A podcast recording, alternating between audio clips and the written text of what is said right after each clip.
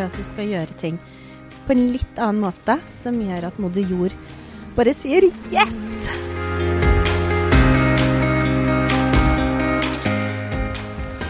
I Endringsskaperne snakker vi med kunnskapsrike og engasjerte folk som kan hjelpe oss til bedre å forstå hvorfor, hva og hvordan vi kan drive bærekraftig business og leve rike og gode liv. Denne endringen den handler om deg, den handler om meg, og den handler om oss alle. Hver og en av oss kan skape endring, og sammen er vi endringsskapere. Velkommen til ukas episode.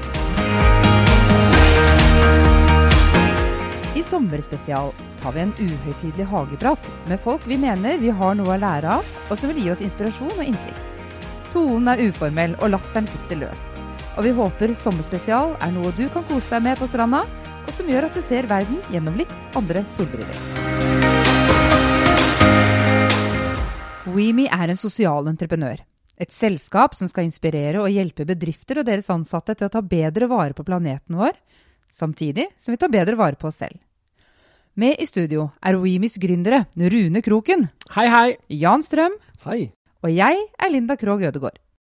Apati og hjelpeløshet er nok det mange føler når de ser bilder og videoer i media av strender overfylt av søppel, skilpadder med sugerør i nesen og folk som sulter, samtidig som vi vet at det destrueres tonnevis med mat. Som en motvekt til dette gikk denne episodens to gjester i gang med å danne miljøorganisasjonen Miljøgrisene. Med humor, latter, alvor og selvironi tar Anette Løken Jahr og Bjørg Thoralsdottir saken i egne hender og viser oss hva og hvordan vi kan gjøre ting annerledes.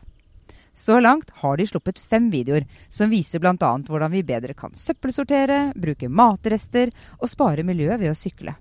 Og i januar kommer det en ny bok, og den skal vi få høre mer om. Anette er en anerkjent journalist og forfatter av fem barnebøker. Og Bjørg er for de fleste kjent som den islandsk-norske kunstneren som når langt inn i hjertet med sitt budskap i hennes bilder og tekster. Det mange kanskje ikke vet, er at de begge har brent for klima og miljø på denne planeten fra tidlig barnsben av. Nå gjør de alvor ut av det og vil inspirere og engasjere oss alle til å delta. Denne episoden den inneholder noe griseprat, svinaktig gode tips, litt blues og mye latter. Ja, her sitter vi nå, hjemme i, i hagen min, eh, sammen med Anette og Bjørg, som eh, står bak Miljøgrisene. Og denne samtalen her, den har vi gledet oss lenge til. For eh, å møte så engasjerte folk som eh, brenner for klima og miljø, som har både kunnskap og hjerte på rett sted, det blir spennende å høre. Ja, bli bedre kjent med dere. Og velkommen hit. Tusen hjertelig takk. Takk skal du ha. Ja, Herlig å ha dere her. Omgitt av eh, deilige sommerlyder, eh, inklusiv litt sånn sjøfly. Men, Og malende katter. og malende katter, ja. Og bier rundt bikubene dine. ja. Men kan ikke, La oss begynne litt med, med å høre. Miljøgrisene. Det er jo et prosjekt dere har eh, satt i gang. Kan ikke dere fortelle oss litt, hva er Miljøgrisene for noe? Miljøgrisene, det er rett og slett en eh, foreløpig ganske så liten miljøorganisasjon som ønsker å angripe utfordringene vi har med miljøet med litt mer latter og glede. Eh, og hvor vi begynner i det små med oss selv. Eh, vi er ikke ute etter å egentlig belære noen andre, men vi ønsker å se endringer i eget liv, og at kanskje andre kan bli inspirert av det vi gjør. Vi gir dem noen svinaktige gode tips, ikke sant Bjørg? Ja, og så har vi skjønt at det å slakte en miljøgris, det tar lang tid. Og da snakker vi om oss selv. Altså. Men det som vi har oppdaget begge to, er at i den prosessen her, hvor vi har holdt på med miljøgrisene, hvordan vi selv blir mer og mer miljøbevisste, og hvordan vårt Hva skal vi kalle det kompasset, Anette? Verdikompasset vårt, som også da handler om altså miljøverdikompasset vårt, får vi kalibrert, kan vi si. Det trenger vi alle å gjøre. Vi får, eh, vi får liksom pusset de brilleglassene og klarer å se det rundt oss med et litt annet blikk. Og det har vi også gjort med naboer og andre som har fulgt med. Så vi kan stolte si at det er flere av våre følgere og venner som tar opp en advokado i butikken og setter den ned igjen, og sender oss en sint melding med 'Søren, har dere gjort sånn at vi ikke klarer å spise avokado lenger?' Og da er vi miljøgrisene så stolte. Nå driver vi og slakter litt andre miljøgriser.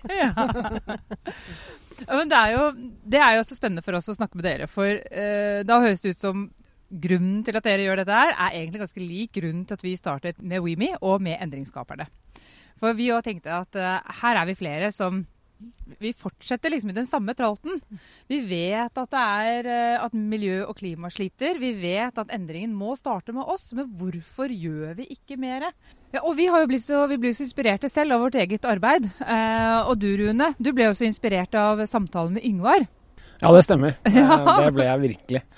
Ja, Så nå, nå er det da 33 klesplagg i i skapet mitt. Så nå er jeg blitt da ja, slags minimalist, da. Og jeg vet jo at vi er jo ikke de eneste som, som har snakket med Yngvar. For dere også kjenner jo Yngvar og har jo spilt inn eh, video med han. Vi har vært hjemme hos Yngvar og Ja. fått grisegode tips på hvordan unngå matsvinn. Og vi ble svineinspirert på å ikke kaste mat. Og det har faktisk vært en åpenbaring. Og det har vært så sinnssykt gøy. Mm. Fordi at det er en sånn utfordring når du bare skal handle en gang i uken. Og egentlig bare handle akkurat det du trenger, og minst mulig.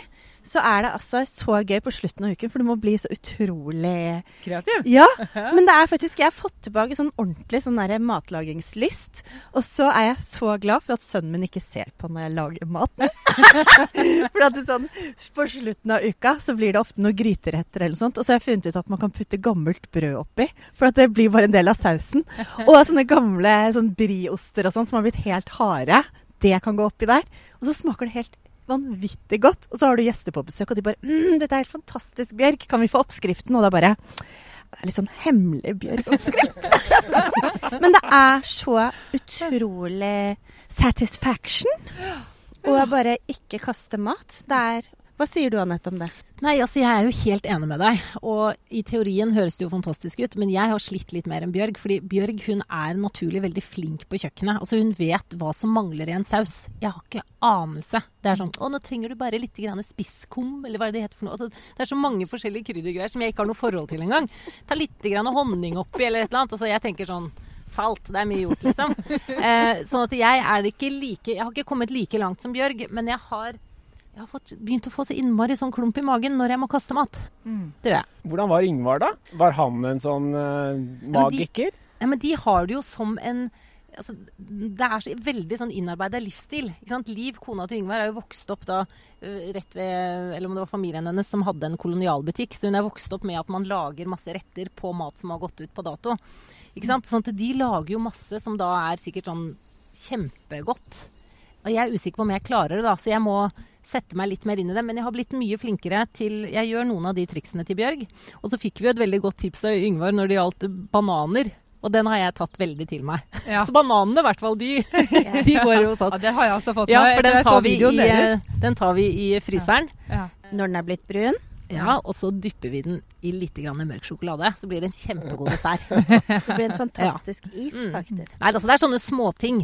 Banantipset det er jeg også øh, blitt veldig glad i. Er- Nå er, liksom, nå er det aldri en banan som går til spille lenger. Nei. Men du nevnte avokado i stad.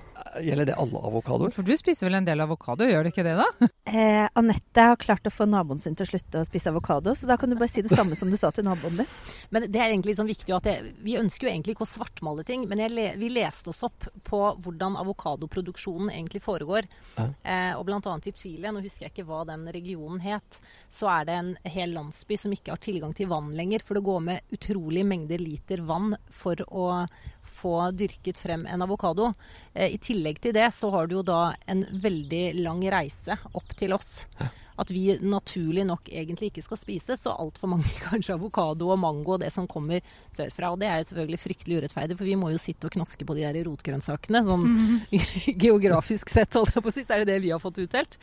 Men, ehm, men det, det, er, det er den, den følelsen hvor jeg da Det var en stor artikkel jeg leste, var det i Aftenposten eller sånn, om eh, produksjonen av én avokado. Eh, og da tenker jeg at vi har også et stort ansvar som forbrukere, rett og slett. Ja, det er jo det. Mm. Og det å, å faktisk bli klar over, øh, bli bevisst Mm. alle disse tingene. Det er jo et stort lerret å bleke, men, de men ja, det bare er å kunne egentlig ta med blitt litt sånn narkokartell, eller altså hva er det det heter? Altså, Ja, de har slutta med kokain og begynt med avokadoer, for at det er bedre Men det er ikke tull. Det- For det er meg, ikke det er, tull. Jeg har det er lest det egentlig. For det er, eh, det er på det nivået, faktisk. Det går menneskeliv tapt det er en pga. avokadoer. Avokadomafiaen. Det er helt sinnssykt. Men det er også det at avokadoer har veldig kort holdbarhetstid. Men, men, nå, og dette er jo så spennende, og dette er jo uh, så relevant.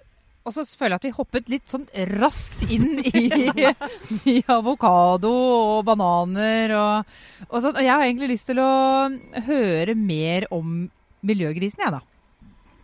Hva er det dere er ute etter å øh, oppnå? Eh, altså, og, og hvor, hvor, snakker dere fra? Liksom? Hvilken, eh, har dere alltid vært opptatt av klima og miljø? Er dette noe som har kommet i det senere? Hvordan, kan vi ikke få bli litt bedre kjent med dere? Anette, du kan begynne, så tar jeg take two. Vær så god. ja. Du, eh, tidlig 90-tallet må vi da tilbake til.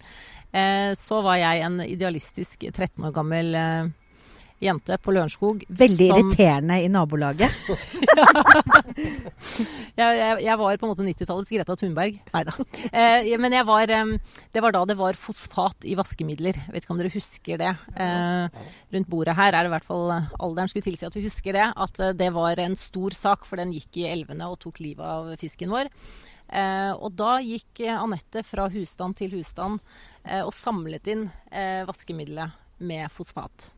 Um, og da hadde jeg en veldig sånn Jeg vet ikke, den et, Jeg hadde, kjente på et veldig ansvar da, for uh, min generasjon og hva vi skulle sitte igjen med uh, når man var ferdig og hadde gjort alt dette med jorden vår som vi var i ferd med å gjøre da. Uh, så fanget media dette opp. dette var før um, miljøvernskonferansen i Brasil i 92.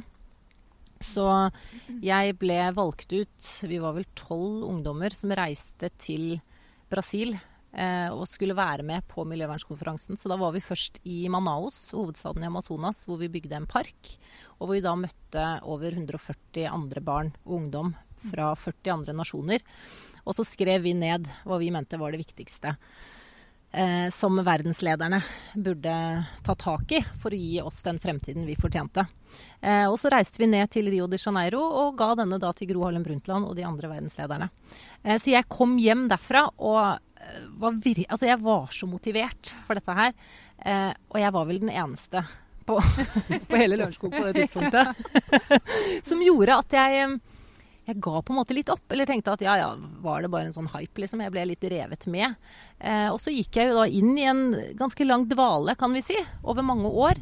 Hvor jeg har hatt det i bakhodet, eh, men som jeg nærmest liksom fortrengte litt. Og, og, litt sånn som oss alle. Vi tenker at vi skal gjøre noen endringer, men så koster det litt. Og så er det behagelig å bare fortsette i den tralten vi er i.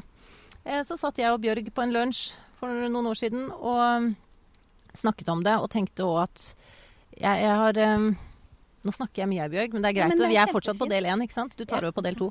Jo, altså, jeg hadde sett så mange filmer opp på Facebook ikke sant? av en sånn stakkars uh, stor havskilpadde med en plastpose rundt halsen og en sånn q-tips uh, hengende fast i ja, men, altså, uff, Det er jo så mange sånne fæle mm. filmer som har uh, florert rundt. Sugerør inn i nesen. Ja, uff a meg, ikke sant. Og, og se sånne strender nede i India hvor det er bare plast plastposer og flasker om hverandre, og du ser ikke stranden engang. Og så har jeg bare tenkt på en sånn, sånn apati.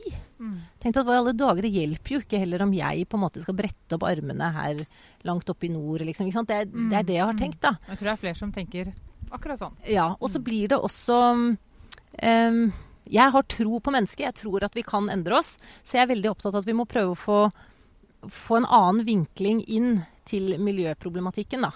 Hvordan kan vi ta tak i det med, eh, som vi sa, da, eh, mer eh, latter og glede. Altså, dette er jo alvorlige ting, men allikevel klare å ta tak i det på en sånn måte at det heller kan bli inspirerende enn nok en sånn derre hammer i hodet at liksom åh, nei, dette her går åt skogen, da. Mm, mm, mm. Så jeg må rette Bjørg litt innimellom, for jeg føler at jeg er den der veldig optimisten av oss. For at du, du, du, kan jo fort liksom grave deg litt ned.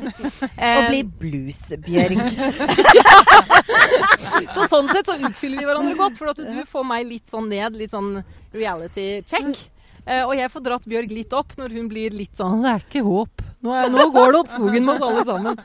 Uh, men det har vært vår innfallsvinkel i det. Og så selv om vi er små, da, som jeg sa, her oppe i nord, så har jeg ekstremt tro på vår makt som forbrukere. da. Ja. Eh, og det er jo det vi ser også nå begynner å spre seg, at vi får litt sånn ringvirkninger av mm. engasjementet vårt. Take to. men, men i, men i, for å liksom Den broen over til take to, da. For, for deg, Bjørg, kjenner jo de aller, aller fleste eh, kjenner jo deg som kunstner og foredragsholder og komiker. Og, og, og med stort hjerte for, for mennesker.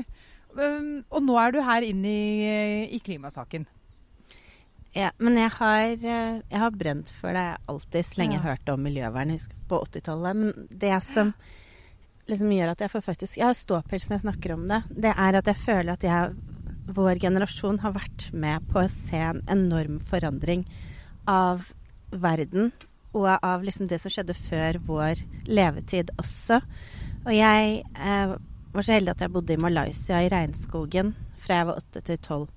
Og da husker jeg de enorme lastebilene som kjørte med de gigantiske trærne bakpå. Og de eh, var så store at de gamle, svære lastebilene med svart røyk, de hadde bare plass til ett tre på hver lastebil, for de var så enorme, for de var mange tusen år gamle. Og det at eh, Og nå bare se de soyaplantasjene som står igjen. Og vi bodde jo inne i regnskogen, så vi ble, lærte jo liksom blåse med giftpiler, og vi var sammen med de innfødte i små kanoer i elvene der og sånn.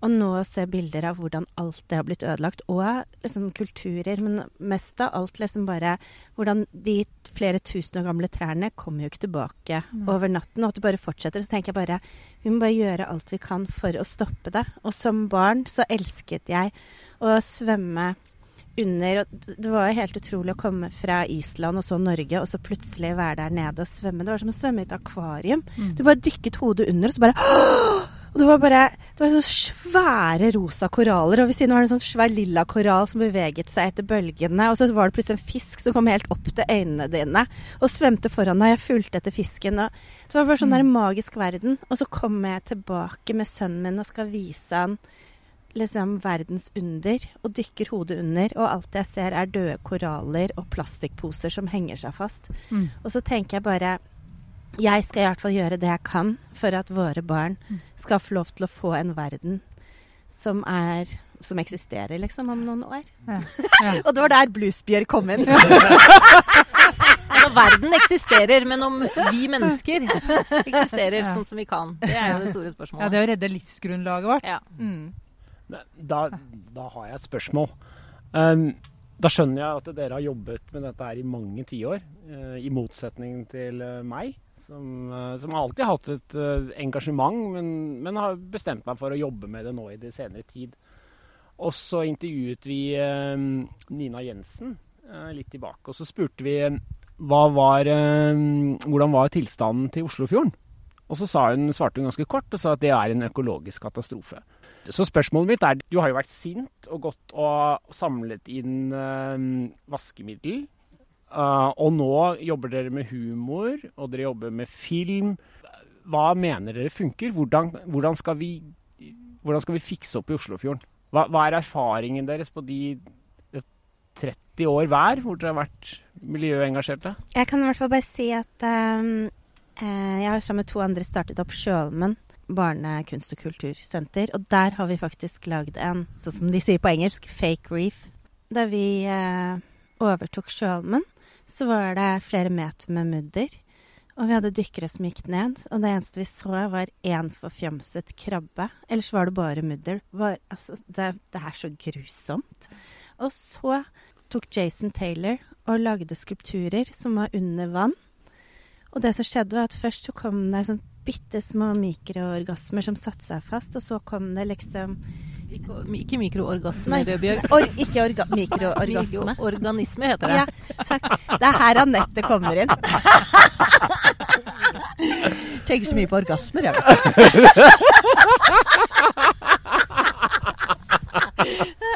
Godt vi har en som er kristen her, som følger med i timen.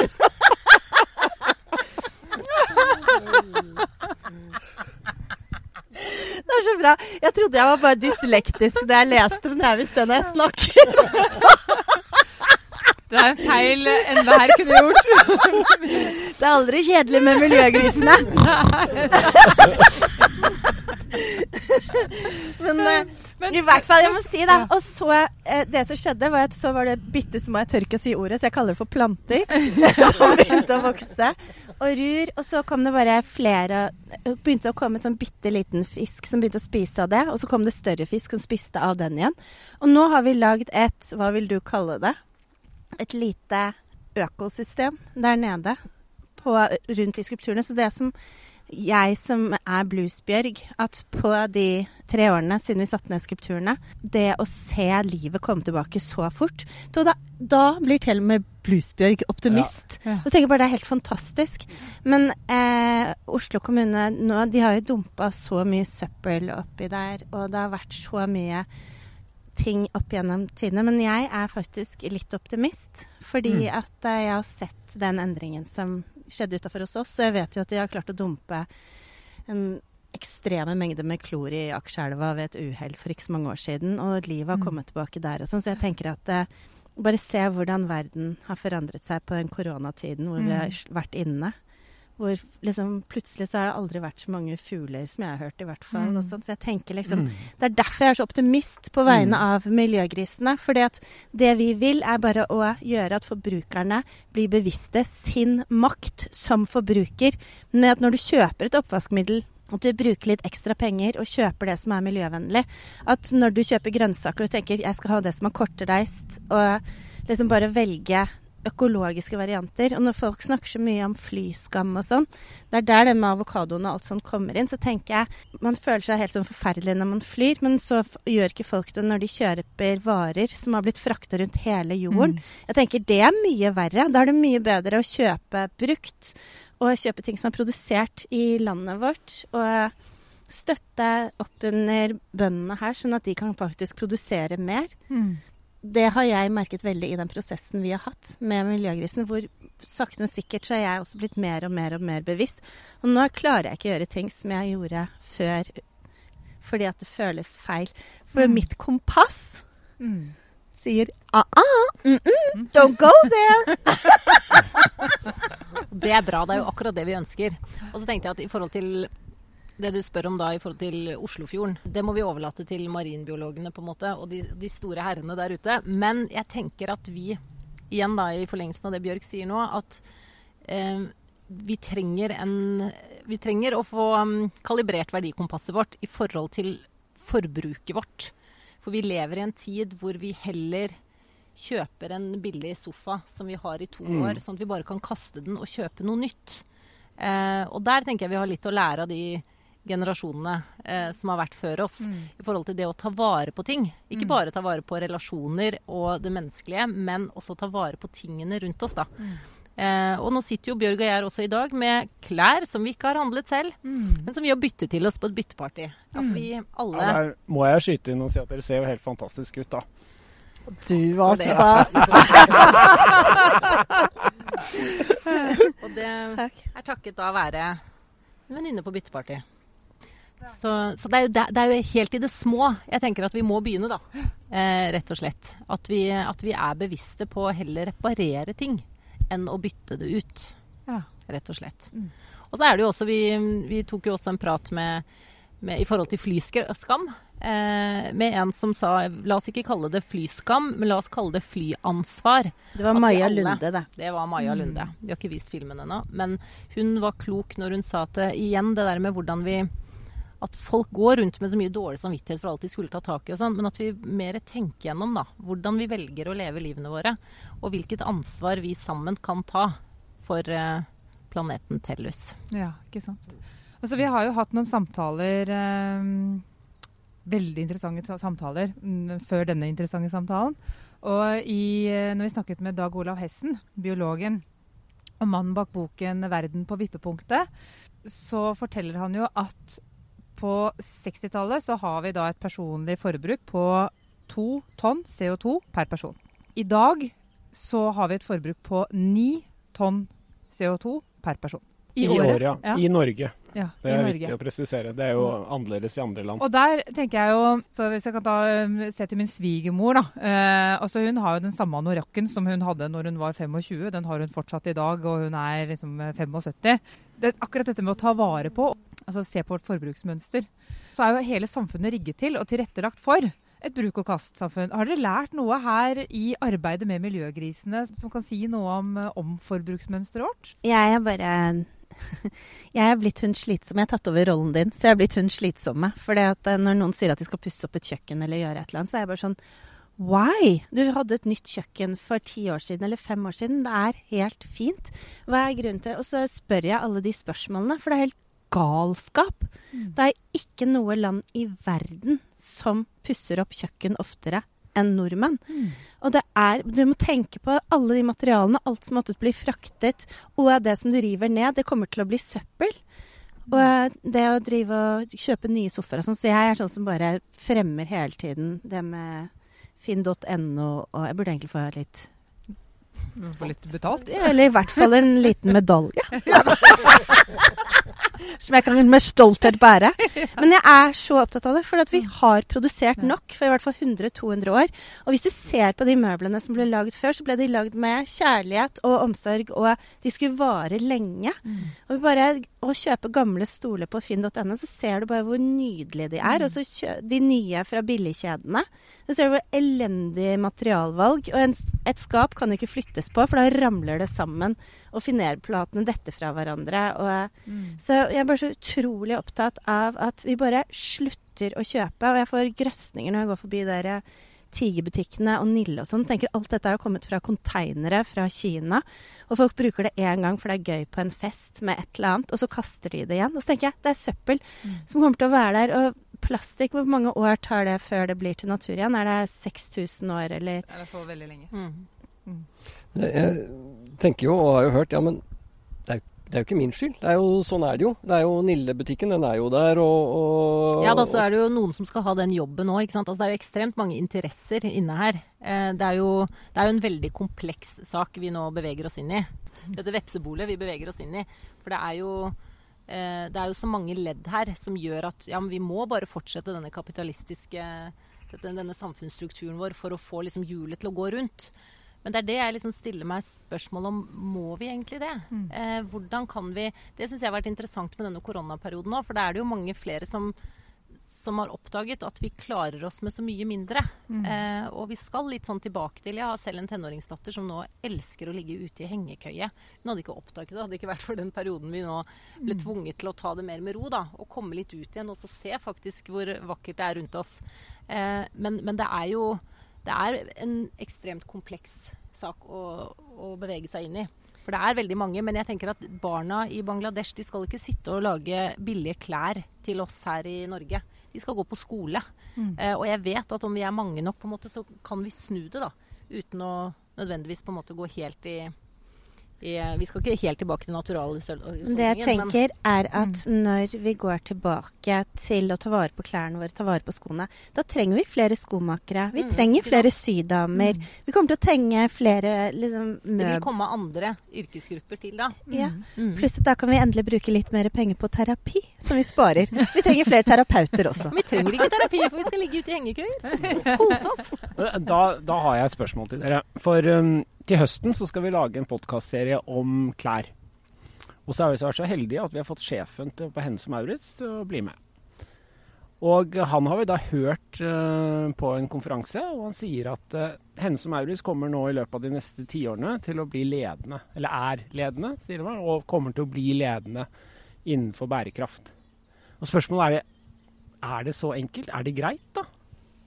Jeg syns ikke nå er det sikkert 10 000 mennesker som har lyst til å drepe meg akkurat nå, men jeg syns ikke det er greit. Det å lage én T-skjorte forbruker 7000 liter med vann. Vi har nok T-skjorter. Vi mm. har nok av alt. Vi trenger ikke å gå i butikken og handle mer. Mm. Du kan heller gå i bruktbutikken og handle. Det er så mye klær på Uff og Fretex og sånn at du bare Du vet ikke hva de skal gjøre med alt mm. sammen. Pluss at de klærne som blir produsert nå, er jo lagd av søppel. De er lagd av akryl og polyester. De er lagd av plastikk.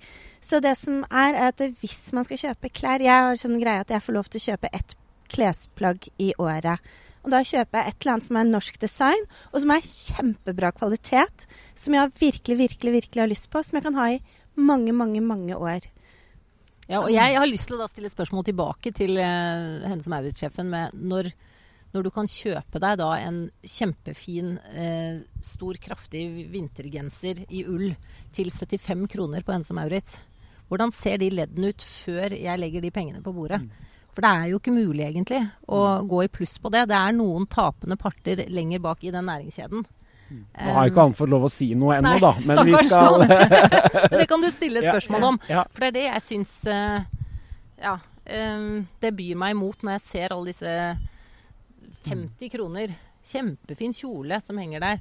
Men jeg tenker at, ja, hvordan ser det ut i de leddene bak? Klesindustrien består av 30% av forurensningen kommer jo fra klesindustrien.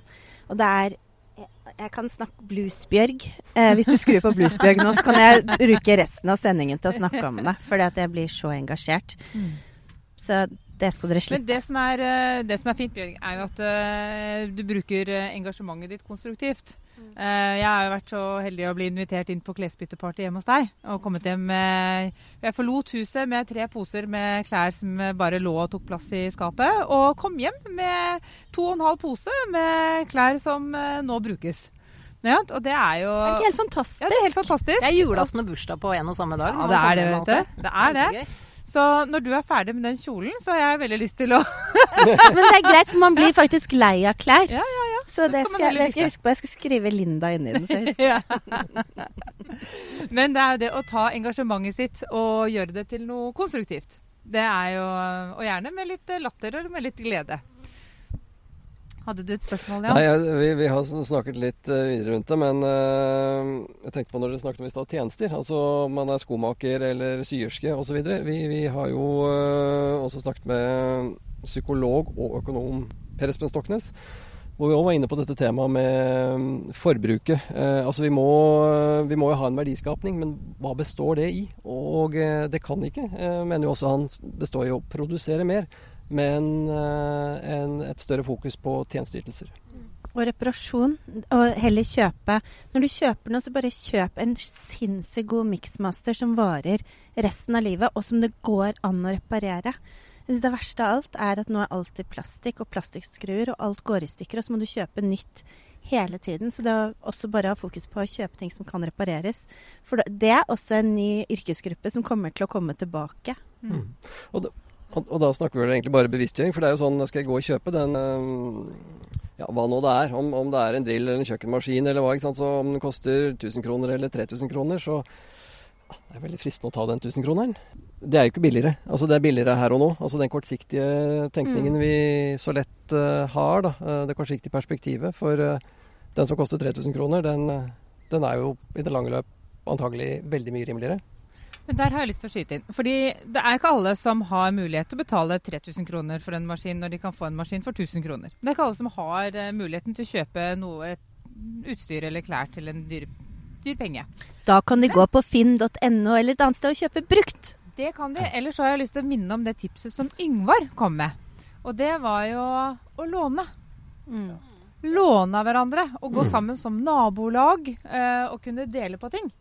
Eh, alle trenger ikke å ha én drill hver, eller en kappsag hver, eller en eh, Ti snøfresere hver i den lille Ja. gatestuen jeg bor i. Ja, ikke sant? Og igjen så tar vi da vare på, på en måte, noen av de verdiene som generasjonene før oss har hatt. da. Eh, for det tenker jeg også at eh, eh, Bare tenke på mine egne barn. Det å gi de muligheten til å En ting er å ønske seg ting fordi man kanskje må spare litt lenger til det som er litt dyrere, men det med affeksjonsverdi frykter jeg er et ord som kommer til å forsvinne litt. Det at man har et forhold til en ting. Det var sånn, og en ting jeg fikk med meg fra huset til mine kjære besteforeldre, det var en gammel, sliten lenestol fra 1936. Eh, som de andre sa at den er jo ikke noe å ta vare på, for at, eh, ja, den var ordentlig slitt. Eh, Fjern oppi rumpa ja, og man sånn. gjorde faktisk det. Men de fikk jeg jo da byttet ut eh, og har trukket om. Og det er et av de kjæreste møblene jeg har i huset. Og da er det ikke det at eh, Ja, den ble jo kjempefin også, men den stolen har en affeksjonsverdi for meg fordi jeg knytter den til noen mennesker, og jeg knytter den til noen minner. Og det frarøver jo nesten eh, den oppvoksende generasjon også, når vi bare skal enda videre dette kapitalistiske hjulet, hvor vi skal bytte ut ting hele tiden. For det er en veldig god følelse. Mm, ikke sant? Og Å ta vare jo, på tingene. og da kom, det handler kanskje litt om det. Dere har nevnt verdikompass et Mm. par ganger nå. Kan dere ikke si litt hva dere mener med verdikompass? Nå, vi egentlig sammenfattet alt det vi snakket om nå, hvordan vi velger å Ja, og én ting er å bruke pengene våre, ta vare på ting. Det handler om så mye mer enn bare akkurat her og nå. Men å ha både liksom, blikket rettet fremover, og kanskje også bli litt inspirert av de bakover. Eh, men hvis vi kan se på mitt verdikompass, da, det er i ferd med nå å kalibreres i forhold til det vi snakket om med matsvinn. Mm. Ja, jeg er dessverre ikke så god som Bjørg på å ta vare på mat. Men nå kjenner jeg det så Altså, jeg får skikkelig dårlig samvittighet når jeg kaster mat. Det er godt at, å høre. Ja, men da tenker jeg at da er verdikompasset mitt i ferd med å liksom kalibreres. Men at liksom, vet du hva, det skal gjøre litt vondt, for det er ikke riktig. Eh, fordi vi, vi kan fort på en måte bare Som jeg har sagt før òg, bare vi lar oss bare vi suser med, liksom. Eh, Vi, vi, vi tar ikke noe stilling til ting. Men nå har jeg blitt bevisstgjort da, på mange ting i mitt liv som jeg kan forbedre. Eh, og også være et godt forbilde for barna mine som ser meg hjemme. For de ser jo hva jeg gjør, og ikke hva jeg sier. Ja. Um, så jeg tenker at verdikompasset handler om Det favner veldig mye. Eller hva tenker du, Bjørg? Jo, men det er utrolig hvordan Når du begynner å bli bevisst altså, Vi har jo vært veldig opptatt av at, du skal, at vi skal bare gjøre veldig lite av gangen. For vi Mm. kan ikke forandre alt i livet på én gang. Så for meg så var det å skulle slutte å fly og reise Det var bare Jeg var sånn, jeg hadde dårlig samvittighet, for jeg visste at det var ikke riktig å fly. Men eh, jeg klarte ikke å la være, for jeg elsker å reise. Men nå er det bare sånn at inni meg, det kompasset, det er bare inni meg, så er det bare sånn Nei, jeg vil ikke være med på å ødelegge denne utrolig vakre kloden. Mm. Så jeg bare Så jeg liksom Jeg har jo atelier i Barcelona, hvor jeg har reist kanskje seks ganger i året. Og da har jeg tenkt, vet du hva, nå tar jeg heller toget ned, eller kjører. Og så er jeg der nede i halvannen måned og gjør all den jobben som jeg vanligvis liksom dro frem og tilbake for. Men bare at jeg, og det er sånn som jeg vil. Jeg bare merker at jeg klarer ikke lenger å bare sette meg på det flyet. Det går ikke. Mm. Selv, og jeg er bare én person, men jeg tenker at eh, når flere og flere og flere blir bevisste, det er da Ja. det, er da det skjer. Ja, for vi blir liksom litt sånn avsleppet. Da. Altså, jeg satt bak en, i kø bak en bil som altså kastet ut en sånn McDonald's-drikkeflaske bare av vinduet. Og da bare helt automatisk så bare kastet jeg meg på tuta, og bare mm, liksom tuta bak. Og de skjønte jo ikke hva jeg mente engang. Og da tenkte jeg at de de har litt mer å kalibrere. Nei da, men altså, vi har jo på en måte, vi må alle begynne med oss selv, da. Ja. Men jeg tenker Men, hvis man bare begynner Det er ett sted Men det er veldig godt poeng det du har der, at vi må begynne med oss selv. Mm. Ja. Og så bare, og så bare begynne på ett sted. At det er én ting som føles Sånn som jeg begynte med klesbytteparty, og det var slutt Siden jeg tenkte det er 30% av forurensningen. Så jeg begynte liksom med det. Og nå er det sånn Jeg går ikke inn i klesbutikker engang. Det er bare sånn Mm. og, det er helt, og da begynte jeg med det, og så kommer det nye ting som liksom Avokadoer og Men jeg tenker det er vi som forbrukere som har makten. For at, eh, så vidt jeg ser, så gjør ikke politikerne det som jeg skulle ønske de gjorde. Heller det motsatte. Så, så, så da kan vi som forbrukere Og vi har så mye makt. Tenk deg hvis alle sammen bruker sin forbrukermakt. Det er helt Mm. magisk. Da endrer ting seg. Ja. Dette vet jeg at Rune hadde et eh, når vi, når vi først møttes Når du hadde regnet litt på Hvis to, 250 000 eh, husstander eh, Hvis de gjorde litt endring Hvilke store eh, bølger eh, det ville sette i gang, sant? Ja, det- er jo en drøm jeg har fortsatt. Tenk om vi inspirerer da 250 000 husstander rundt Oslofjorden. Hva skjer da? Tenk deg hva som skjer med matproduksjon. Tenk deg hva som skjer med den fantastiske, fine fjorden vår. Dere er jo på vei. På menneskene. Altså, Ja. Det er det jeg har veldig tro på at vi kan gjøre disse endringene. Og jeg må jo si også, altså Nå kom på en måte korona veldig godt ut i denne podkasten. Det er mye som har vært negativt der. Men eh, noen av de eh, effektene Blant annet jeg leste et intervju med da en i Wuhan som sa at nå hører vi fuglekvitter for første gang i Wuhan, og vi ser himmelen, for der har det bare vært Mm. tåke. Mm. Ja. Eh, så har vi på en måte fått en litt sånn ny start da, på en del ting. Eh, og det er derfor jeg har veldig tro på den. At eh, de ringvirkningene, når noen mennesker velger å gjøre en endring, det kan bli eh, veldig gode. Fortell om den der boken dere jobber med, da. Du, denne boken er jo egentlig inspirert av disse filmsnuttene som vi legger ut på sosiale medier, hvor vi reiser rundt til eh, kjente mennesker og får helt enkle tips til hvordan bli mer miljøvennlig i hverdagen. Så det er jo egentlig en eh, miljøvernsbok for dummies på en måte, for at vi går sånn helt til de enkle eh, tingene. Og så er det også i forhold til når du sier dette med familie, at vi vi ønsker jo å, å både få den unge tenåringen engasjert, men også at kanskje da oldefar på 92, som vi også har med i en bok her, eller har med i boka her, i en av kapitlene, eh, har gjort erfaringer som man kan dra nytte av. Eh, så der tar vi jo for oss eh, bl.a. dette med klesbytte. Snakker om klesindustrien. Vi kommer jo med en del statistikk i de forskjellige kapitlene. Eh, og også helt eh, helt enkle ting som Bjørg er jo en fantastisk kunstner, så hun kommer også til å lage litt merkelapper som man kanskje kan Bl.a. én som jeg håper vi får til, som er fra kjøleskapet, rett og slett. Som du kan klistre på i en av hyllene hvor det kan stå 'Spis meg nå'. Da kan hele familien være bevisst på at ja, være bevisst på at Oi, den kokte skinken her går ut i morgen. Den må jeg huske på å legge inn i den hylla. Og det som er, er genialt, er at når du da ser inn i kjøleskapet, så ser du jo først på den hylla med alt det som holder på å gå ut på dato.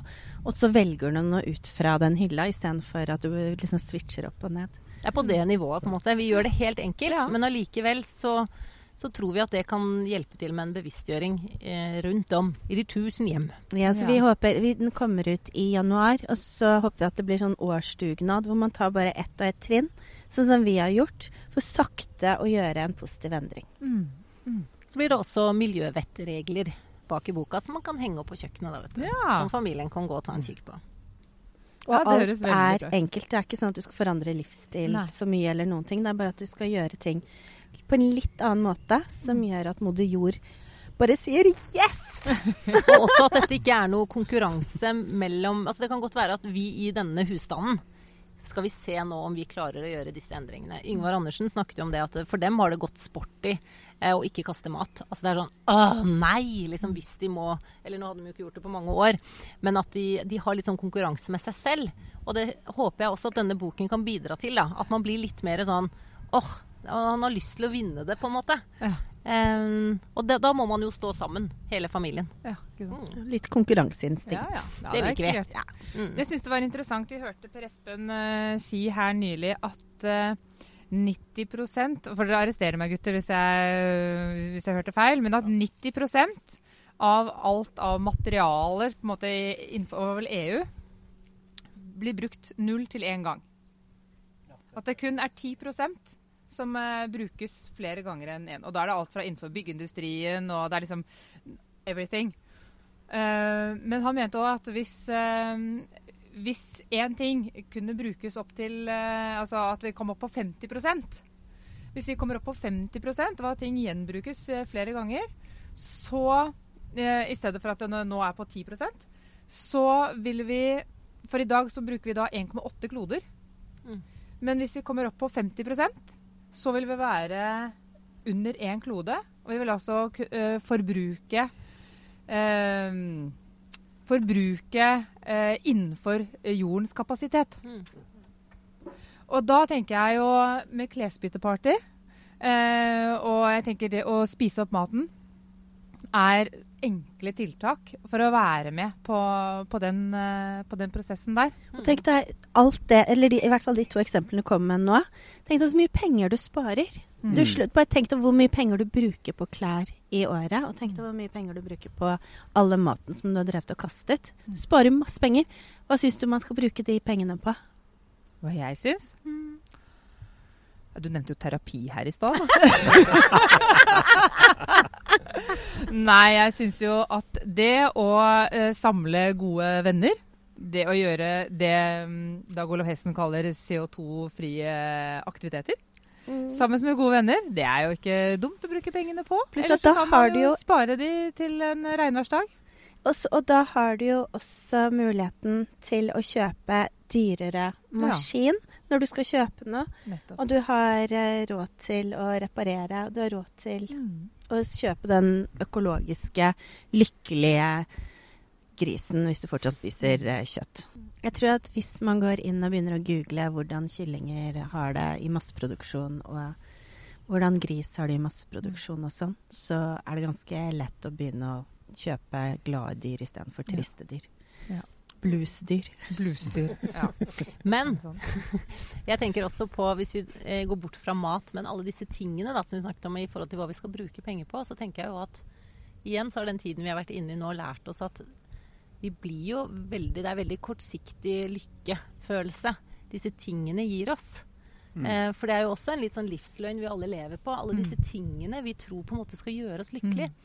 Og der leste jeg en Fremtiden i våre hender eh, gjorde en stor undersøkelse hvor de så på velstanden i Norge etter andre verdenskrig og utviklingen av velferdssamfunnet og hjelpemidler sant, i form av både oppvaskmaskin og vaskemaskin. Alle de tingene som har gjort ting lettere for oss. Eh, hvor mye lykkeligere har vi blitt? Og der var eh, eh, statistikken på en måte altså den, eh, den gikk altså på at vi det at materialismen på en måte piket i været, og lykkefølelsen, den gikk parallelt til et spesielt år. Mm. Og etter det så har materialismen fortsatt videre rett opp, mens lykkefølelsen har gått ned. Ja. Da kan dere få gjette hvilket år var nordmenn mest lykkelige. Jeg tror det var på 70-tallet. jeg. Og det er helt riktig. Altså, jeg opplevde det ikke engang. Det var i 1977. Og du kan tenke deg, det var faktisk før de fleste fikk eh, fryser eller eh, TV. TV. Ja, ikke sant? Alle disse Telefon. tingene som vi tenker er viktig liksom, for Mm. vår, vår lykke, eller at ting blir mer lettvint. Da. Men i 1977 så var, var de på samme sted. Og da gikk det altså nedover med lykkefølelsen, mens materialismen fortsatte oppover. Mm. Nå ble jeg litt sånn bluesete. vi må jo bli lykkelige igjen, dere! Så vi må tilbake til Ja, men der, der tror jeg Ja, er inne det på noe veldig viktig. For at, eh, altså, når jeg rydder opp i klesskapet mitt og er inspirert av Yngvar Andersen, så, og når vi snakker med Yngvar Andersen, så er det jo først og fremst hans personlige lykke han jobber med. Og så, som et resultat, så er det også miljøvennlig. Eh, Men han blir jo personlig lykkeligere av det han gjør. Og det ble bedre meg, jeg også. Jeg syns det var skikkelig deilig å rydde opp og bare ta frem de, de plaggene jeg trives best med, og gå med de. Men når du kommer ut i november og skal ta på deg den shortsen der Nei, ja. ja nei, nå, nå blir det veldig detaljert. Da. Men jeg bytter, jeg bytter jo da klesskap, for jeg har jo pakket unna det andre. Så dette, nei, ikke skapet. Dette heter jo da 33-3. Så sesongklær. Ja, sesongklær. Men nå har jo da Rune begynt med isbading, eh, og da kommer han til å gå i shorts eh, i november. Ikke Ja, sant? det gjenstår jo å se. Det, det vi snakker om her, altså bevisstgjøring eh, er jo det ene. eh, men, men hvordan vi orienterer oss. Altså fordi vi, vi er jo litt sånn oppfostra på å orientere oss utover. Og liksom hva er det omverdenen rundt oss prøver å fortelle oss? Jo, det er at vi må kjøpe og vi må forbruke og vi må ha, jeg må må ha den, og nå er det ny kolleksjon og I motsetning til verdikompasset. Mm. Det er noe som skjer på innsiden. Mm. Og det tror jeg veldig få er klar over. Altså At det er et skille her. altså at man, at man må, vi, må, vi må se mer innover, rett og slett. Ja, og så er vi jo, vi er jo sånne flokkdyr. Vi er jo en gjeng med sauer. ikke sant? Å, nå er det inn med sånne 80-tallsbukser igjen. Jeg venner meg jo aldri til det. Men da går jo alle med det. Altså, hvor vi liksom Jeg vet ikke. Det er, det er noen andre som har tenkt tankene for oss, da. Og det er det vi ønsker å bryte litt ut av. Rett og slett. Hvordan har dere lagt opp, i, lagt opp i eget liv, da? Hvilke ting har dere gjort? Nå har vi vært innom noen av de. Vi har vært innom kjøleskapet, vi har vært innom klesbytting. Er det noe mer dere har tatt med dere fra deres reise som miljøgriser? Dere er jo midt i slakteprosessen, som dere sier. er det Altså, jeg er fortsatt på dette med mm, eh, resirkulering og kildesortering. mm. Eh, der, eh, der har jeg også trengt å kalibrere verdikompasset mitt i forhold til hva jeg hiver oppi i forskjellige. Um, der har du vært flink hele tiden, Bjørg. Du er i det hele tatt flinkere enn meg. Jeg hører det nå. Det Jeg ut. vant. Du vant. Eh, men en ting jeg har veldig lyst til å begynne med. Vi var hos Hedda Kise og lærte om kompostering. Ja. Eh, for det, der kommer litt av den naturfagsnerden i meg frem også. Eh, hvor lett det er å lage veldig god jord selv. Ut fra egentlig bare søppel du har hatt hjemme. Eh, jeg jobber litt på hjemmebane, for at min bedre halvdel henger ikke helt med. Han vil, han vil at vi skal ta dette i små skritt. Eh, men det er en ting jeg har begynt å lese meg litt opp på nå, som jeg syns virker kjempespennende. ja. Og så er det jo Vi skulle jo også bli veldig flinke til å sykle mer, Bjørg. Hvordan har det gått med det, da? Det er så veldig bratt da jeg bor. Men jeg går mer, da. Det gjør jeg faktisk. Jeg, Jeg har begynt å sykle litt mer. Og så har jeg faktisk Jeg hadde en lekkasje på badet mitt, så hele badet måtte byttes ut. Og da klarte jeg faktisk å pusse opp hele badet miljøvennlig. Både med malingen, med flisene og bare gjenbrukte ting. Wow. Som jeg var faktisk veldig stolt av. Og Ja. så, men, eh, men det er akkurat det med at det, det verdikompasset mitt har endra seg så mye at jeg klarer ikke å gjøre de tingene som jeg gjorde før. Og så har jeg valgt bl.a. at halvparten av hagen min er bare får lov til å vokse helt vilt og fritt, sånn at insektene kan få plass der. Så jeg har bare jeg bare klipper plen på det området som jeg trenger til å ha utesofa og sånn. Og så resten er til insektene og sånn. Så jeg føler liksom bare at det er masse, masse småting som sammen blir større. Så har dere noen sånne eh, gode tips til de som kommer til å lytte på dette her? Sånne veldig enkle, gode, konkrete tips til ting vi kan gjøre? Er, er det en liten smakebit av boken Ja. må lov å dele, eller? Men det som jeg, jeg vil bare si at det enkleste tipset jeg kan komme med, er bare å begynne med et eller annet som du brenner litt for. Et eller annet som du tenker det er faktisk litt lyst At du føler på kanskje at eh, du ikke vil ha, sette batteriene i vanlig søppel lenger. At du tar den boks, lager den boksen, eller om det er det at du er opptatt av at du skal spise mindre kjøtt. Men bare begynn med det som du brenner for, og så er det helt utrolig dominoeffekt. Mm. Smakebit. Ja, har det. Men skal vi oppsummere dem, kanskje? Kanskje vi skal ta en liten oppsummering? Vi har da sortering. Vi har klesbytte. Mm. Vi har uh, matsvinn. Sykle mer har vi vært innom. Gjenbruk generelt, i Ja, ordets videste forstand. Ja. Mhm. Til og med renovert et helt bad. ja, det var imponerende. Mm, det var jeg veldig stolt av. Mm. Men jeg synes det var veldig godt tips. Begynn med, begynne med noe du eh, har litt engasjement for og brenner for. Og begynn i det små. Og vi mener jo også det at eh, ingen av oss kan gjøre alt, men vi kan gjøre noe. Og gjør alle noe, så vil det ha en veldig stor eh, effekt. Og ikke undervurder din egen makt som forbruker. Ja, det har vært en både morsom, koselig, lærerik og spennende prat. Helt herlig. Tusen takk skal dere ha. Du, tusen hjertelig takk for at miljøgrisene fikk komme. Og da tenker jeg det bare gjenstår å si sjekk ut Miljøgrisene. Gled dere til boken som kommer i januar 2021. Mhm. Den kommer vi til å dele, og vi kommer også til å legge ut eh, videoene deres. Så her er det bare se, lik og del. Takk. Vi er på Facebook og Instagram. I dagens episode har vi fått høre om hva og hvem miljøgrisene er. Om behovet for å kalibrere miljøverdikompasset vårt, og om vårt forbrukeransvar. Om kvalitet over kvantitet, og om samfunnets kjøp-og-kast-mentalitet. Svinegode tips og råd på gode miljøtiltak, og ikke minst at hver og en av oss kan bidra, og det nytter. Og du, et lite tips fra oss? Følg Miljøgrisene på Facebook. Alle relevante referanser og lenker til dagens gjest finner du på nettsiden vår endringsskaperne. Du kan nå oss på e-postadressen hello krøllalfa. Her kan du gjerne sende oss tips om relevante temaer eller andre vi bør ta en prat med. Du kan selvsagt stille oss spørsmål, eller ta kontakt for en prat om hvordan vi kan hjelpe deg og din bedrift i det grønne skiftet. Likte du det du har hørt, vil vi gjerne at du deler denne podkasten med dine venner og kollegaer. Da gjenstår det bare å si hei så lenge, høres snart.